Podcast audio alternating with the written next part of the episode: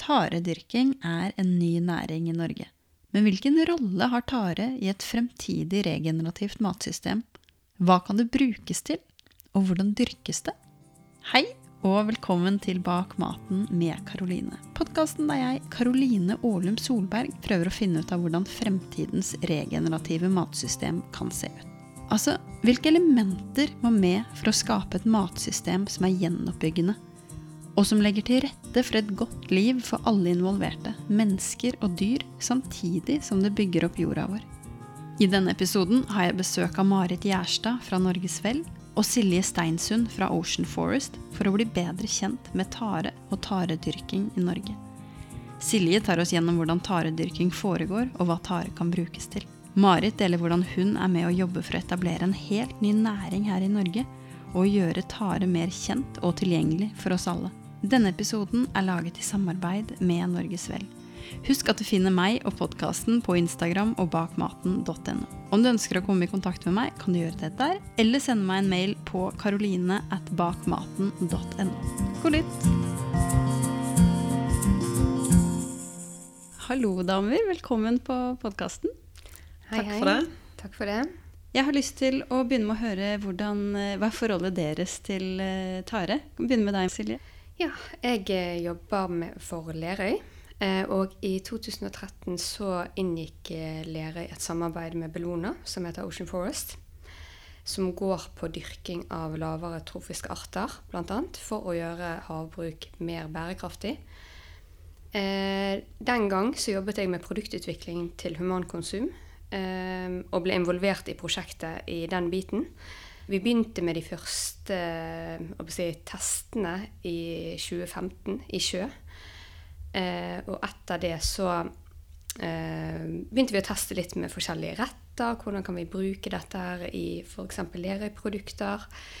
Eh, hva er tare, og hvordan kan vi ha, altså, bruke dette som en ressurs?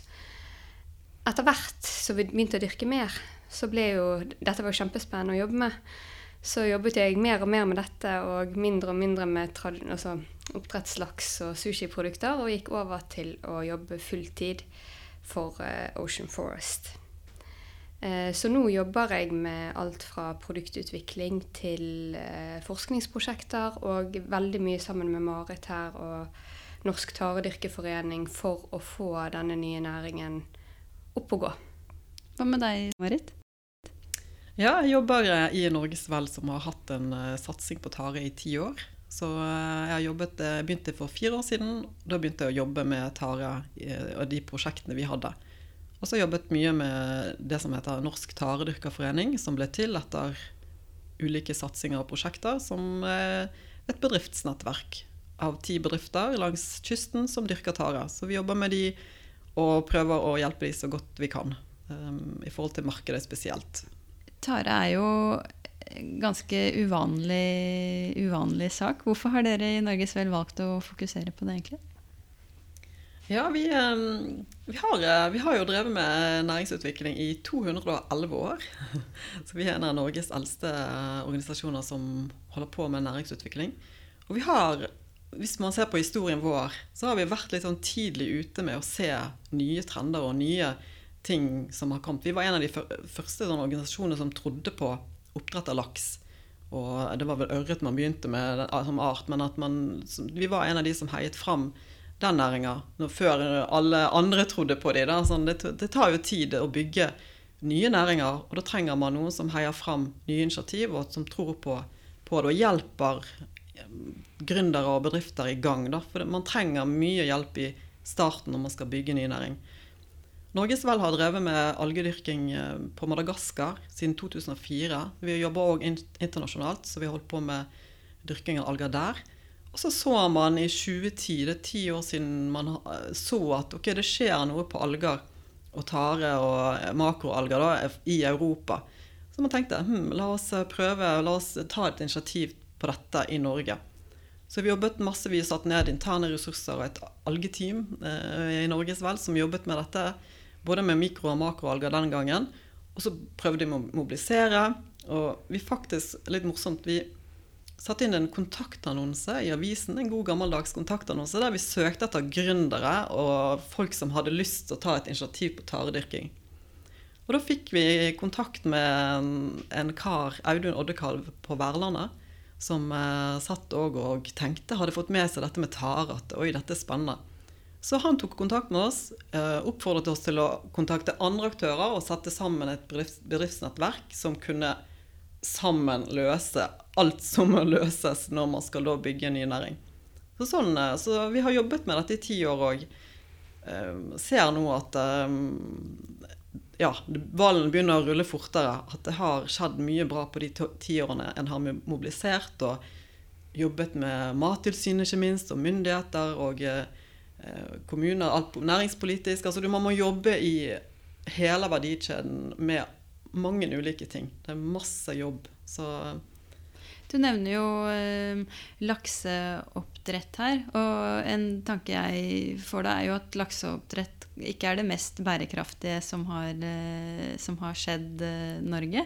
Så, så, hvordan kan dere på en måte jobbe for at harenæringa eh, blir en bærekraftig industri, da, i motsetning til, til den retninga lakseoppdretten har tatt? Ja, vi har akkurat vært på et innspillsmøte med regjeringen sin nye havbruksstrategi. Der vi har spilt inn tare som kan være en del av løsningen for å gjøre akvakultur eller havbruk mer bærekraftig. Da snakker man om vekselbruk, for å bruke det begrepet, da, vekselbruk, i sjø. Det vil være en areal en knapphet på sikt. At man ønsker at uh, havbruksnæringen skal vokse, og da er areal en av de knapphetene. Så da kan tare komme inn kanskje og hvis man har et område med opphoping av næringssalter i litt for stor grad, altså, da må man ligge en lokalitet f.eks. til laks brakk for at den skal hente seg inn igjen. Da kan tare komme og være litt sånn eh, opprydding på, de, på overskuddet på næringssalter, siden taren vokser på det og filtrere det. Så mm, vi tenker at tare faktisk, tarenæringa er en del av løsninga for å få eh, en bærekraftig vekst i havbruksnæringa. Og tare i seg sjøl er jo Før var det jo blåskjell man skulle spise, for det var det mest bærekraftige. Nå er det jo tare som er det mest bærekraftige hvis man skal se på sånn, man, hvordan kan man spise bærekraftig, så er tare virkelig et produkt som man da trygt kan spise. Og det kan òg bidra til at andre produksjoner kan være mer bærekraftig. Du, har jo, du nevner det jo litt her, men hva, hva jobber dere mot? Hva er liksom deres tarevisjon? Ja, vi ønsker jo det, jo, det å bygge, bygge ny næring, ny betydelig marin næring for Norge, som skal virkelig bety noe for Norge. Det, vi trenger eh, nye arbeidsplasser, og vi trenger vekst. og eh, da mener jeg at tare kan, kan kanskje bli en næring som kan òg spinne av seg. Selvfølgelig, Alle næringer har jo ringvirkninger i, i andre ledd. Så vi har håp om at eh, tare kan bidra til dette, og å skape helårsarbeidsplasser. Det er litt viktig. Vi diskuterer jo fiskeriene i dag. At det med helårsarbeidsplasser Eh, man ser det i dag når grensen er stengt, man får ikke inn arbeidere fordi det er så sesongtungt at man må eh, ha utenlands arbeidskraft for å kunne dekke opp sesongene. Men vi håper at dette kan bidra til et helårssysselsetting helårs sysselsetting langs kysten. Vi skal komme, komme, inn på hvordan man egentlig bygger opp en, en ny næring litt senere. Men vi må begynne med å få litt uh, oversikt her først. Marit, hvor mange er det som dyrker tare i Norge i dag? Ja, det er ca. 12-15 bedrifter som er kommet i gang. Dvs. Si de har tare i sjø. Det er bedrifter, den nordligste bedriften i Lofoten, og den helt sør jeg hører til i, i Agder. Um, og de uh, har dyrket, den eldste har dyrket kanskje i ti år. Det er den som har mest erfaring. Og så er det varierende etter hvert som de har kommet um, inn og fått tare i sjø. Det er veldig mange som har uh, konsesjon, så det er veldig mange flere som sitter med dyrkingkonsesjoner, altså tillatelser til å dyrke, men ikke kommet i gang. De sitter på gjerdet og venter. Så, men de som har kommet i gang, det er sånn ca. 12-13-14 bedrifter. Mm. Og Silje, hvordan, eh, hvordan dyrker man eh, tare egentlig? Taredyrking er egentlig veldig lik samme prinsipper som med planter. Man trenger et frø, man trenger et vekstmedium, eh, og man trenger lys. Og CO2. Eh, man henter opp planter fra sjøen, fra lokalmiljøet. Og ved hjelp av lys og andre metoder så får man morplanten til å slippe disse frøene. Eh, disse frøene blir smurt på tynne tau som regel. Det er litt forskjellige metoder her. Eh, som blir satt i større tanker med sjøvann. Og så blir de tilført lys, sånn at eh, de vokser til en viss størrelse. Når de er kommet til en viss størrelse, så blir de satt ut i sjø på enten bæreliner eller andre bærekonstruksjoner. Slik at de kan vokse fra noen millimeter til flere meter i lengde. Og når er det sesong for det her? Ja, disse morplantene de er jo best om vinteren. Eh, fordi at eh, om sommeren så er det mye påvekst i sjø, og når man skal hente disse, eh, så vil man ha så rene planter som mulig. Så de plantene kan man hente så lenge det er kaldt i sjøen. Eh, ellers så eh, starter vi på en måte dette her sporeslippet eh, på sensommeren. Eh, det tar noen uker fra man på en måte slipper de første frøene til de er store nok til å eh, eh, settes ut i sjø. Så man begynner, i hvert fall her på Vestlandet, å sette ut sånn oktober til november. Men jo lenger nord du kommer, dette er styrt av sjøtemperatur, jo seinere kan man begynne. Um, disse får da være i sjø fra de er noen millimeter i oktober til eh, de er flere meter når vi høster de i, på våren i mai-april. Slutten av april. Og det er ganske fascinerende, for det er de månedene vi har minst sol. Eh, vi har kaldest temperaturer, og det er rett og slett litt ruskevær. Eh, så det at det kan vokse fra noen millimeter til flere meter uten å gjøre noe med det, Ja, for man, til, man gjødsler ikke, eller sånn som man er vant til med planter på land? Nei. Eh, taren har Det er ganske unikt med taredyrking at den har Så lenge det er næringsstoffer i sirkulasjon, så trives taren veldig godt. Sammen med riktige sjøtemperaturer. Den trenger bare sollys, CO2, næringssalter, og så vokser den til. Det høres jo ut som en, eh, noe som kan bli en bærekraftig næring. Absolutt. Eh, og det er jo en av de grunnene til at vi har så utrolig stor tro på at dette her er en del av fremtiden. Og eh, kan bidra til å skape en biomasse og resirkulere næringsstoffer på en god måte. Tare er jo noe som er veldig ukjent for mange, inkludert meg. Eh, og jeg tenker vi må, vi må ha enda litt mer info om, eh, om hvordan dette med dyrkinga fungerer. Eller ikke dyrkinga, men når man på en måte har høsta det, da. Hva, hva gjør man derfra?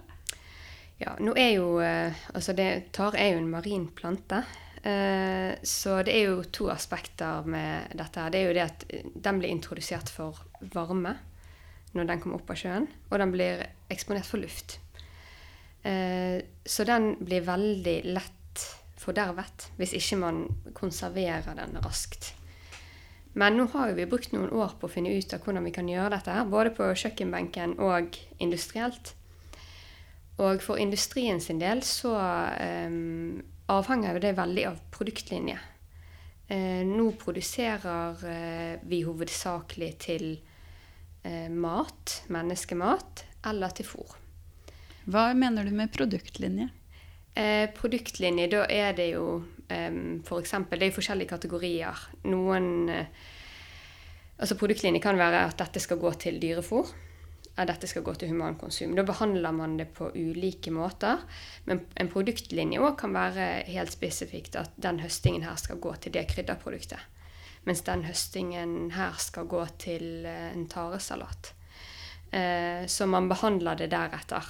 Eh, fordi at siden tare må behandles raskt etter høsting, så må man, da snakker vi om timer, så må man vite hvilket produkt man skal ha på slutten av den dagen. Ja, Allerede når man høster det, egentlig. Ja, så det krever litt produksjonsplanlegging. Eh, de fleste som dyrker nå, holder jo på med enten fôr eller humankonsum. Eh, til eh, humankonsum så er det veldig vanlig at man eh, tørker det. Da kan man tørke det litt sånn manuelt, sånn som man gjorde i gamle dager. At man henger f.eks. opp tauene og ved hjelp av luftsirkulasjon tørker taren på en god måte. Ellers er det industriell tørking.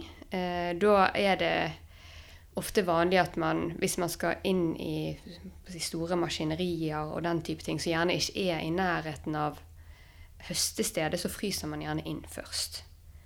Um, når det gjelder dyrefôr, eh, så er det som produseres mest av i dag, er faktisk fermentert hare. Og det har et kjempepotensial, for det viser at det, eh, det har veldig store helsemessige fordeler for husdyrene som får det. Eh, og fermentert hare òg har jo vært noe de forsker veldig mye på i forhold til irritabel tarm hos mennesker, og ikke bare at det kan være bra for tarmfloraen til husdyrene. Men hva er sammenhengen der? De, der er det jo òg litt sånn black box. Men det de tror, er jo det at f.eks. sukkertare, den inneholder, som vi dyrker, den inneholder 1000-1500 bioaktive komponenter. Som kan være helsemessig positiv i en eller annen sammenheng. Akkurat hvordan, det vet de ikke helt. Men det er jo disse komplekse karbohydratene som de tror har den gunstige effekten i fôr, som funksjonelt fôr. Både til mennesker og dyr. Og dette her er jo utrolig spennende å følge med på, for det er sånn, vi vet det er en god effekt, men vi vet ikke helt hva det er. Er det bakteriene, er det de bioaktive komponentene, er det sammensetningen? Og så inneholder jo òg tare veldig mye mineraler, eh, og det òg kan ha en positiv effekt. Um, så det er eh, veldig mange ting med tare som er veldig spennende og som kan løse en del av utfordringene vi har, ikke bare med klima, men òg med f.eks. antibiotikabruk. Eh, den taren som er fermentert, er blitt brukt mye til å fôre griser, fordi at sinkoksid skal bli forbudt i Europa hvis ikke det allerede er blitt forbudt. Og da ønsker de Hva brukes det til? Det brukes for å hindre at eh, grisen får diaré. og eh, når de må ta vekk den antibiotikaen, så må de ha alternative medisiner som eh, gjør at eh, grisen ikke blir like dårlig. For det er veldig høy dødelighet blant eh, grise... Altså griseproduksjonen i Europa har veldig høy dødelighet. Eh, og da har det vært noe som kunder av oss har sett veldig positiv effekt av. Um, så det er utrolig interessant. Uh, og det er jo bare én av aspektene med det. Uh, og fermentert tare er òg blitt brukt til å teste om det kan redusere metangassutslipp fra kyr. For vi vet at enkelte tarearter um, uh, kan redusere metangassutslippet hvis det blir tilsatt i fôr, med opptil 40 Så her òg er det veldig mye spennende forskning som eh, vi holder på med. Eh, som gjør at man virkelig får troen på at dette her, her er det ikke bare her er ikke bare én produktlinje, og her skal vi lage dette produktet, og så er tare Enten lykkes vi med det, eller så gjør vi det ikke. Vi har veldig mange forskjellige produktlinjer, og det er veldig mye potensial i de forskjellige eh, produktlinjene da, som kan eh, oppstå av taredyrking. En ting som jeg syns er veldig lett å se for meg når jeg tenker på, på tang og tare, da, som vi snakker om i butikken, er jo litt sånn grønne, slimete greier som blir liggende ved siden av eh, salaten i ferskdisken. Er, hva slags produkter er det vi, vi ser for oss, eh, Silje? Ja, altså jeg tror at eh, dessverre, siden tare er en marinplante, så egner den seg dårlig i, i, som naturell i ferskvaredisken med liksom andre grønnsaker og sånt. Men fermentert tare kan f.eks. Eh, ha en god plass der. For det er noen produsenter i Danmark som vi jobber tett med, de har laget en fantastisk taresalat av fermentert tare. Eh, så du skal ikke helt se bort ifra at når du går på butikken om fem år og skal velge deg en salat, at det kanskje er en fermentert taresalat. Eh, men med tare så er det eh, Det er egentlig litt undervurdert. Folk, altså folk tenker, når jeg spør dem hva har du spist tare før? De nei, gud, det har ikke jeg spist før. Så jeg, men du har jo spist sushi, har ikke du det? Jo. Men det er vel ikke tare? Jo, det er tare. Så det er eh, nori som man pakker rundt. Altså disse makirullene er jo tare. Wakamesalat er tare. Um, Det er de grønne som ser ut som sånne lange Sjøgress, sjø- eller? gress, Mm. eh, Ja. ja. Mm. Uh, og man finner egentlig tare i nesten Altså, jeg vil tippe kanskje 50% av produktene man allerede har i butikken, bare ikke i den, det formatet vi ser for oss. Fordi at eh, alginatindustrien er allerede en suksesshistorie i Norge. De produserer jo alginat fra stortare som man bruker i alle mulige matvarer, som tannkrem, eh, stabilisator i sauser, i dressinger, i alt mulig fra, fra dette her til medisinsk alginat som brukes i proteser og diverse andre ting. Vi ønsker jo da at eh, kanskje dyrketare kan ha denne rollen, istedenfor Altså en gang i fremtiden eh, at eh, vi kommer opp i et volum hvor vi òg kan bidra til f.eks. alginatproduksjon, fordi at sukkertare og andre arter inneholder også alginat. Men vi ønsker å bruke hele planten. Så derfor kommer jo eh, gjerne nye produktlinjer utover alginat. Hvordan kan vi bruke resten av de andre bestanddelene? Men hva er alginat for noe? Det er et Det er det som danner slimlaget. Det er en veldig kompleks karbohydrat som har veldig mange gode egenskaper. Så den kan brukes til veldig mye forskjellig. Nå er det siste nye trendige innen gastronomi er å lage f.eks. sånne smakskuler av alginat med f.eks. mangosmak, koriander. Og spesielt inn i det vegetariske, veganske markedet så har de brukt dette her mye for å lage eh, på en måte plantebasert kaviar. Jeg var faktisk på et eh, julebord en gang. eh, jeg er vegetarianer og har vært det i mange år. Og var på Mm. et julebord hvor jeg fikk vegansk kaviar. Det var, Mm. det var helt nydelig. Langt på den måten, vil jeg Ja, ja. tro. Det, det er nok laget med alginat. så det er liksom måten Jeg tror på en måte med tare så er det bare fantasien som setter begrensninger, og hva folk tør å prøve. Og fordi at den har så mange gode egenskaper på forskjellige måter. Um, og i tillegg til, siden du nevnte dette her med vegetarianer, og sånn, så er jo det kjempe altså Tare inneholder jo en del jod, men for vegetarianere, eller kanskje spesielt veganere, så kommer jod stort sett fra havet, eller fra det er tilsatt f.eks. dyrefôr. Men det er veldig lite av i planteriket ellers, så da kan jo det være en god kilde til jod som ikke som er vegetarisk eller vegansk. Eh, Det er jo sånn nå at det er ikke så lett å få tak i tare. Hvor, hvordan, hvis jeg skulle gått ut i butikken, hvor får jeg tak i det, Marit? Nei, det er ikke helt eh, veldig lett å få tak i det i dag. For fire år siden da jeg begynte å jobbe med det, så måtte jeg leite fram. Og da tenkte jeg jeg må smake på dette. Så jeg måtte virkelig sånn leite, en liten leitejobb for å finne hvordan jeg fikk tak i noen produkter. Og da er det jo websalg uh, som er den kanskje mest vanligste kanalen i dag. Men her i Bergen kan du faktisk gå ned til sentrum og gå innom Kinsarvik Naturkost og kjøpe med deg tare. Eh, det er Flyt sine produkter som er i Kinsarvik, og de går det an å kjøpe på webbutikken. Du har ulike websalg, og det kommer mer og mer. Sky Seaweed hun lanserte webbutikken sin i forgårs, tror jeg det var. Så det, får, det kommer mer og mer via websalg. Eh, Du har Texlo Seafood som har et uh, egen webutsalg, og Tango har webutsalg. Og de er også i mange sånne små nisjebutikker eller rundt lokale eh, matbutikker rundt omkring i kan du nok finne komme over tareprodukter. Det har jeg sett sjøl når du har kjørt i Norge og du stoppet på en bensinstasjon og sett at ja, her er noe tarepesto og forskjellig. Men um, selvfølgelig også det kommet noe inn i dagligvarebutikkene på kryddersiden.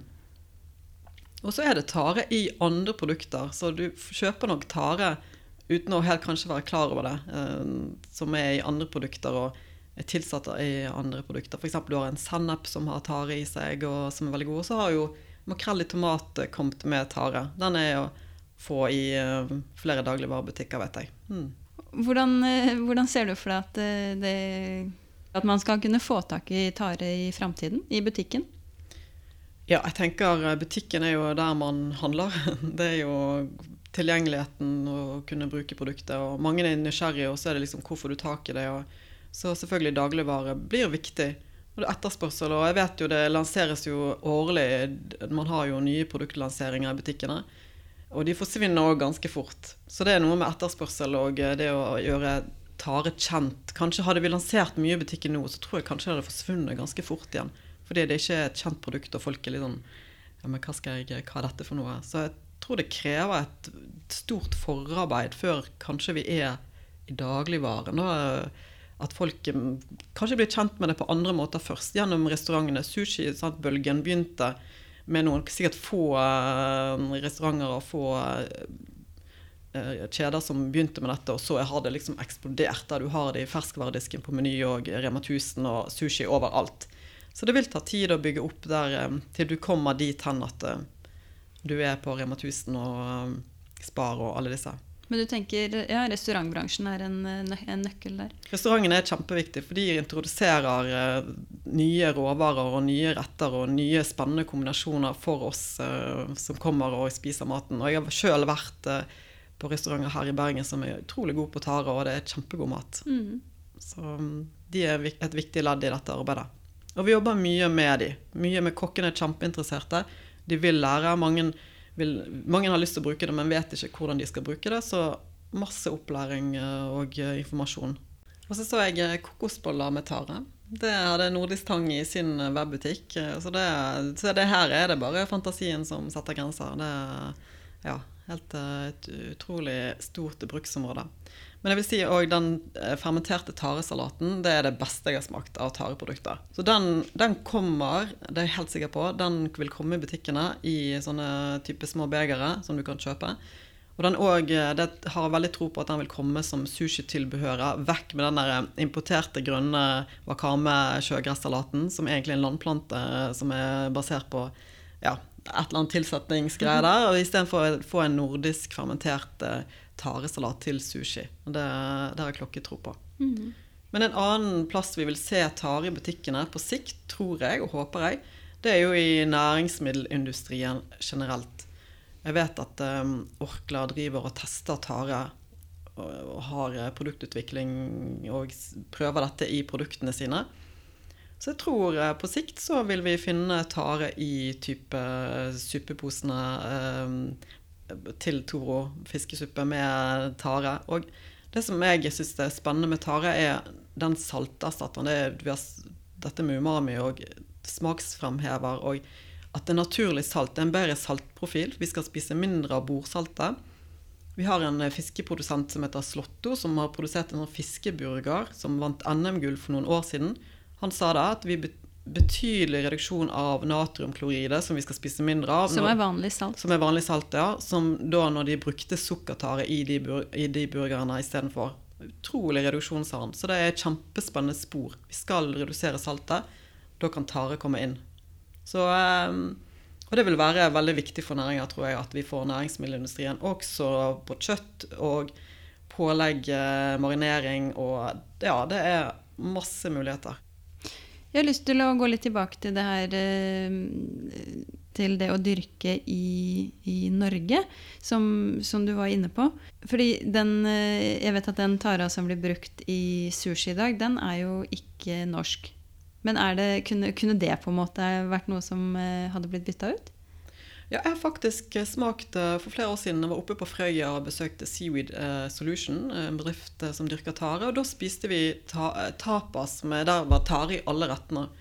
Og de hadde da brukt blansjert sukkertare og rullet da istedenfor nori-arkene, da, disse maki-rullene som man bruker nori på, så brukte de sukkertare og rullet rundt. Og det var kjempegøy. Det var godt og spennende. Så er det jo, Nord er jo laget av den som heter purpurfjærhinne. Eh, mm. Den arten der. Og jeg tror den er, Vi har den i Norge. Den er, det er en rødalge, og den er her. Um, men den er nok kanskje litt vanskelig å dyrke, uh, vil jeg tro. Så om den kommer på sikt Jeg tror vi får flere arter. Vi har jo begynt med sukkertare og butare, de to artene. Nå er det forsøk på havsalat, og vi har søl, som det nå skal komme et større dyrkingsforsøk på. Så det vil komme flere arter. Hvor mye det, mye er det egentlig vi dyrker i, i, Norge i dag av tare? Vi er jo en helt tidlig fase i næringa, så store mengder er det ikke. I fjor høstet vi ca. 250 tonn tare.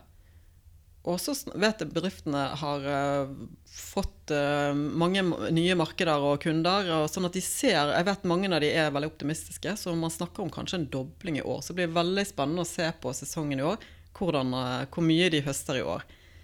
Og så eh, når det gjelder markedet, så er jo Europa det markedet vi har jobbet mest mot. I tillegg til aktiviteter her hjemme, så har man jobbet mye med markedet i Europa.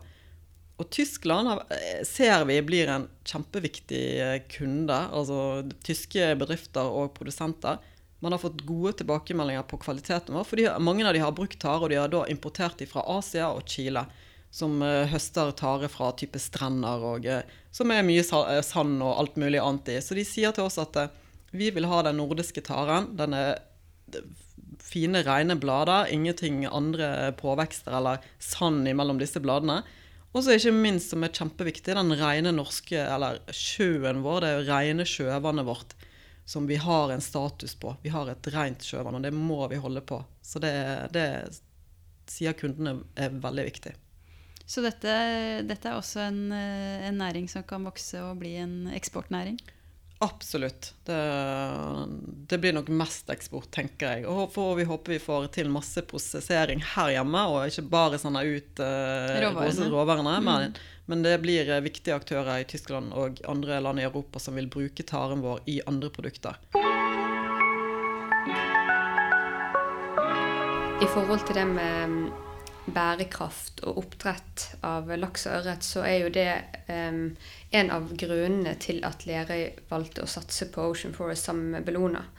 At vi ønsker å gå over til en sirkulær økonomi hvor uh, vi ved hjelp av flere arter klarer å uh, redusere vårt fotavtrykk samtidig som vi sirkulerer næringsstoffer. Så vi er veldig Vi håper at andre Og vi ser òg at det er andre oppdrettere som eh, tenker i samme baner. Eh, eh, Vi, vi ser at det er flere som har tarekonsesjoner av andre oppdrettere, og de ser at dette her kan være en del av løsningen for å få en mer bærekraftig havbruksnæring på sikt. Så kan jo det òg være med å løse kanskje en gang i fremtiden en del av problematikken vi har i forhold til fôr. Eh, hvis vi klarer å komme opp i en biomasse som gjør at kanskje vi kan ekstrahere ut protein, som gjør at vi blir, kan ha lokalt tareprotein i fiskemelet, eventuelt eh, bruke det på andre måter for å ska, skape protein eh, til fiskefôr, eller som funksjonelt fôr, sånn som fermentert tare. Nå driver Ocean Forest med litt andre ting, men det blir jo kanskje litt digresjon i forhold til eh, resten av Vi driver med blåskjell og, og andre arter, da, som at dette samspillet skal eh, redusere fotavtrykket. Og det er jo den tankegangen man har med taredyrking. At det ikke bare er mat, men det er òg en økosystemtjeneste. Det kan rense som et naturlig biofilter, det kan beskytte arter som lever på bunnen. Det kan gi veldig mange andre positive effekter eh, som andre type akvakultur kanskje ikke har. Eh, og hvis man veksler litt på å bruke eller på en måte veksler litt mellom å bruke de forskjellige områdene til forskjellige arter, så vil jo kanskje den, denne likevekten bli mer balansert. Mhm. Men en ting som vi har sett eh, oppover langs kysten, både med oppdrett og fiske, er jo at det har blitt en konsentrasjon blant de store, de har eh, de store konsernene og store selskapene som har veldig mye Eller som får veldig mye makt. Da. Hvordan, kan, hvordan kan vi på en måte bygge opp denne næringa så ikke det samme skjer der, så man også får en forankring, en lokal forankring og, og støtter de små og mellomstore bedriftene? Jeg tror det er en, I dag er det jo lokale initiativ, små bedrifter langs kysten, som, eh, og som i ulike grad har eh, eiere, kapitalsterke eiere, og noen ikke har eh, kapitalsterke eiere. Altså det er ulikt hvordan de har hentet inn kapital, da. For det må jo til. Skal man starte nye bedrifter, så må man ha kapital. Og det er jo veldig fint å finne den lokalt. Så det er jo å finne de investorene som òg vil satse lokalt og bygge arbeidsplasser og, og bedrifter langs i Norge, da, altså i, der det, vi har naturlige fortrinn og vi kan bygge arbeidsplasser. Og så er det viktig at alle ledd spiller på lag. Da, hvordan bygge nye næringer. Så man trenger eh, kommune, man trenger gode kystsoneplaner, man trenger god, godt forvaltningssystem. Man trenger tilsynsorganer som òg er med på eh, laget, og det har vi jobbet med hele veien. Så man trenger liksom, og fylkesmann og fylkesmann, altså man trenger alle disse leddene og en regjering og politikere som har eh, langsiktigheten med seg og vil bygge norske, gode, solide bedrifter. Så det, alle ledd må liksom jobbe sammen og fungere. Mm. Og på det stadiet vi er nå, så er det jo sånn at alle er helt ny. Uavhengig om eh, man har ressurser eller ikke. Eh, men så det å samarbeide er en nøkkel. Det å dele informasjon, dele kunnskap. Uh, så det arbeidet man gjør i Norsk taredyrkeforening med å skape et samhold, dele kunnskapen, at ikke alle sitter på hver sin tue. For da, da vil man ikke lykkes. Eh, det er jo kanskje det som har skjedd med andre arter man har prøvd tidligere, at alle skal ha den hemmelige oppskriften for seg sjøl. Eh, og så ender det opp med at ingen får det til. Eh, så vi har veldig mye fokus på dette med å dele kunnskap, samarbeide, ha en god dialog. Og det krever muskler eh, for å få eh, gjennomslag for eh, f.eks. regelendringer eller eh, få til et godt samarbeid med de eh, institusjonene, instansene, ikke institusjonene, i, i næringsliv og i, i offentlig sektor som vi er nødt til å ha på lag. Dere har jo kommet inn på dette med, med bærekraft begge to. Men er det, noe, er det, noe, dere vil legge til i forhold til hvilken rolle tare har i et bærekraftig matsystem? Silje, vi kan jo begynne med deg. Ja. Eh, det, tare er et fantastisk produkt igjen. Eh, tare lever jo av sollys, næringssalter og CO2.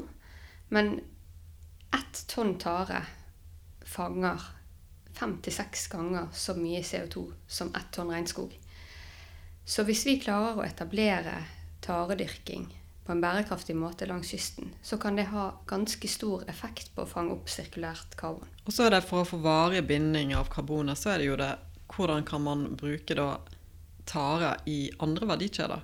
Da er det spennende initiativ på gang.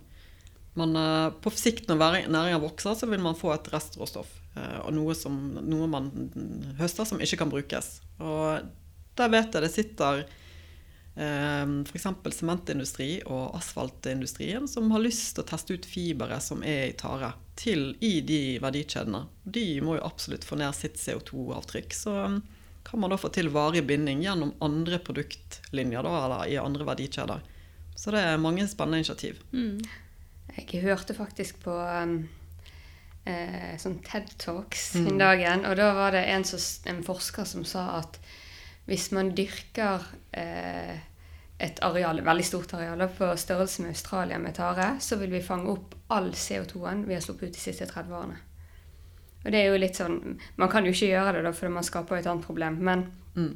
eh, på en måte, det er jo litt sånn tankevekker i hvor, hvor effektivt det å dyrke tare er og hvor lett det fanger karbon. Og det er på en måte en ressurs vi kanskje har undervurdert litt i den sammenheng, da. I forhold til hvor mange år trenger du for at et tre skal bli stort.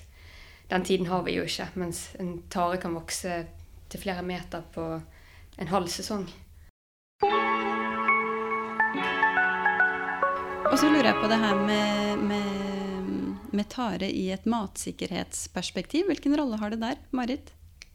Ja, det er et interessant uh, spørsmål. Um, ikke, jeg vet ikke helt, men jeg fant noe fra, som ble lenket på en uh, artig Facebook-side, som jeg forresten kan anbefale alle som er interessert i tang og tare, å gå inn og, og bli med i den gruppen, den offentlige gruppe som heter Seaweed Lovers Planet. det, er, det, er, en uh, dansk Torkil Johansen som står bak, og han er veldig, veldig entusiastisk på å dele masse informasjon om tare. Og han har delt noe som han har funnet i Norge fra eh, krigens dager. Så det var Martha Steinsvik som da laget en liten håndbok om tang og tare som vitaminkilde, botemiddel mot mangelsykdommer hos mennesker, husdyr og kulturplanter. Så det har jo blitt, eh, når man har knapphet eh, på, mat og en sunn og næringsrik mat, så har man jo sett rundt seg hva, hva er det i naturen. Hva finner man, eh, og lokalt. Så der er det en veldig god bok som man kan finne på nettet mm. fra den tiden. Men klart at Ja, jeg tenker at det er et interessant perspektiv å se at tare kan ha en rolle i det store bildet òg, med at vi trenger å bruke Vi trenger å få nye råvarer og ingredienser fra andre kilder, og vi bruker jo 2% av det vi spiser, 2% av kaloriinntaket vårt, kommer fra det marine element. Så da tenker jeg hallo, her er det masse potensial. I Norge eller globalt? I Norge i alle fall. Det er sikkert kanskje tilsvarende Jeg tror ikke de spiser så mye mm, mer fra det marine. Jeg lurer på om det er 56 uten at jeg er helt skråsikker. På globalt. globalt ja. ja. Mm. Mm. Så her er det stort, stort potensial for å hente ut uh, fra lavtrofiske arter og skjell og muslinger og alt mulig fra det marine element. Absolutt. Mm. Ehm, vi tenker jo òg det at det er jo en av grunnene til at vi startet med taredyrking, var jo eh, å Med målsetning om å finne eh, nye, bl.a. nye kilder til fôr. Og det er jo litt todelt. Én ting er at vi har en knapphet på ressurser eh, allerede for vekst. Og grunn nummer to er det at de Vi ønsker å erstatte de eh, proteinene vi bruker fra andre marine kilder, sånn som ansjoveter og eh, eh, på en måte småfisk, eh, og erstatte det med andre marine produkter, fordi at de eh, kildene vi bruker nå, kan gå til humankonsum. Vi vet at eh, villfangsten av fisk er nådd på en måte sitt tak. Vi kan ikke hente mer derfra. Vi har en voksende befolkning. Vi, så vi ønsker å på en måte frigjøre eh, de ressursene vi bruker i laksefôr til humankonsum med lokale råvarer som er bærekraftige. Eh, og bygge opp industrien på den måten, og dermed kunne ha tilgjengelig altså mer tilgjengelig mat til en voksende befolkning. Mm. Mm. Eh, så det er en av hovedgrunnen til at en stor aktør som Lerøy går inn i det. Så det, sånn indirekte så er det jo for å sikre at både vår egen fremtid og en fremtid for en voksende befolkning. Mm. Marit, hvis vi vil lære mer om, eh, om eh, tare, hvor, hvor, går man? Du har jo nevnt en Facebook-gruppe her. Ja, er det noen andre steder? Ja, den kan man sjekke ut. og Den er veldig artig. Eller så fins det flere bøker, eh, hvis man søker litt. Man har en ganske ny en som heter 'Gratis mat fra havet', som i hvert fall du kan finne tips til hvordan du kan bruke tare i mat. Du en, Hvis du vil lese mer om tare, så har du en mer sånn kunnskapsbasert bok som heter 'Tang', som er skrevet av en dansk forfatter, Ole Mortensen. Som, eh, der du kan lese om alt fra biologien og til dyrking og matlaging. Du har en håndbok som heter 'Alger i farger', som er veldig kjekk. Der ser du alle artene, hvordan du kan eh, høste og bruke de ulike artene. Og det er jo sesong for de ulike artene, så da vil jeg anbefale sesongkalender.no. Der er både fisk og, og tare kommet inn. Så der ser man de ulike artene hvor tid de er i sesong, hvis man vil da gå ut og sanke sjøl. Jeg har jo lagd en podkast om tang og tare tidligere med bl.a. Arne Dunker. Og han, eh, han, gir en også en veldig god innføring i, eh, i de ville artenes sesong, da, hvis man har lyst til å sanke litt selv. Jeg kan jo skyte inn at Arne òg har en bok sammen med to andre som heter 'Sjømat i fjæra'. Eh, så dersom man ønsker å eh, eh, gå ut og sanke litt og eksperimentere litt, så er det bare å kjøpe boken og ta en tur ned i fjæra, rett og slett. Og, og, og, smake og teste og se hva man finner. Jeg tror man blir overrasket over hvor mye spiselig det faktisk er det. Mm -hmm. mm. Og så har vi en webside som heter norsktaredyrkerforening.no. Der ligger det masse informasjon om tare, litt om jod, hvor mye du kan spise for å komme under de anbefalte grensene. Og inspirasjonsvideoer til hvordan du kan enkelt bruke tare hjemme i matlaging. Jeg bruker å avslutte denne podkasten med et par eh, faste spørsmål. Det, det første er hva, hva, gjør deg sint, Silje? Uff, jeg er jo egentlig en veldig rolig person.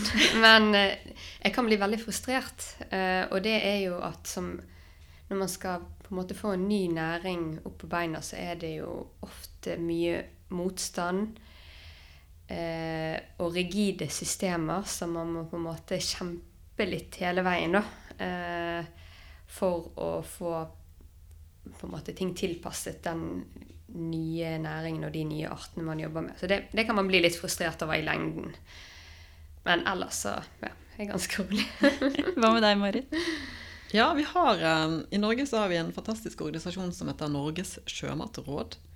Og de eh, vil gjerne jobbe med tare. De vil gjerne liksom hjelpe oss. Men de har fått nei fra departementet. Fordi departementet har, eh, vil vente på flere rapporter og en EU-kommisjon og masse vi, som kan ta veldig lang tid. Så det er litt frustrerende. da. Så vi, har, um, vi jobber med de, og det er masse rapporter der. Så den vil vi gjerne ha go på, for de har lyst til å jobbe med oss. Og det trenger vi. Så egentlig litt uh, byråkrati på, på, dere begge her. Mm, ja. ja. Hva, hva, gir deg håp, Marit? I forgår så hadde vi en uh, workshop, digital selvfølgelig, workshop med over 40 deltakere fra alle ledd i FoU, offentlige aktører, gründere og etablerte bedrifter, store bedrifter, som sammen jobbet for å begynne på det strategiarbeidet mot en arenaklynge for tare. Altså Arenaklynge er en stor konstellasjon av ulike parter som jobber sammen for å løfte fram en ny næring. Så der hadde vi startskuddet for det arbeidet i forgårs. Og det var utrolig bra engasjement, og det ga meg håp. Hva med deg, Silje, helt til slutt? Ja. Eh, jeg eh, synes jo, eller er litt enig i det Marit sier, at det å jobbe med så mange flinke folk eh, som er så engasjert og ønsker å skape noe, det er utrolig givende. I tillegg så er det sånn at når jeg begynte å jobbe med tare for ja, en del år siden, så tenkte jeg eh, å ja, ja, det er et kanskje krydder, eller liksom litt sånn ja ja, det, det er nå så det er. Men så åpner det seg nye dører hele veien med masse forskjellige spennende bruksområder. Eh, så det gjør jo at måte den troen på at dette her er fremtiden, bare blir forsterket. Det er, eh, det er så mange anvendelsesområder, det er så mange spennende retninger man kan gå med dette her. Så det er liksom Nå er det bare om å gjøre å få liksom denne næringa litt på beina og få den litt mer stabil, sånn at man kan fokusere på produktene og produktutvikling, sånn at man kommer opp i på en måte noe som er utover forskning og utvikling. da. Eh, så det gir meg håp at det er, det er, mye spennende på gang. Det er utrolig dyktige mennesker som jobber med tare. Og mm, ja, jeg tror det bare er Vi må bare ha tiden og veien til å lykkes med dette. Mm. Tusen takk for at dere kom, begge to. Takk. for Takk for at du hørte på denne episoden, som er laget av meg, Karoline Aalum Solberg, i samarbeid med Norges Vel. Musikken er laget av Creo og Liro Sever. Har du noe på hjertet, kan du sende meg en mail til karoline at bakmaten.no, eller så finner du Bak maten med Karoline på Instagram og Facebook. Vi snakkes. Det er jo fredag i dag, dere. Og Marit, jeg ser du har tatt med potetgull med tare, eller? Yes, her er det chips, som vi kaller det her på Lauven Vestlandet. det er vegansk. Det er kanskje ikke potet i det, nei? Det er, ja, det kan du si. Det er i hvert fall sukkertare og steinsopp. Og det er jo da Sky Seaweed som uh, har laget denne chipsen basert på norsk dyrket tare. Så det er jo potetgranulat, så det inneholder potet. Ja. ja da, Maismel, sukkertare og butare. Så vi kan jo smake på den. Hvis ikke du har skalldyrallergi, har du det? Nei. ja. Har du smakt tare før? Sånn, eller produkter med tare? Utenom sushi, kanskje? Ikke som jeg vet. Nei. Men da um, får du uh, Du får være først. Takk. Mm. Godt. Det smaker litt sopp. Ja, det gjør det faktisk. Mm. Og litt sånn ettersmak av tare. Ja, eller sjø, som ja, jeg ville kalt det, kanskje. Mm, ja. Mm. Det er liksom sjø um, mm. Setter liksom inn på slutten. mm, absolutt. Kan anbefales til fredag og lørdag og søndag. og onsdag.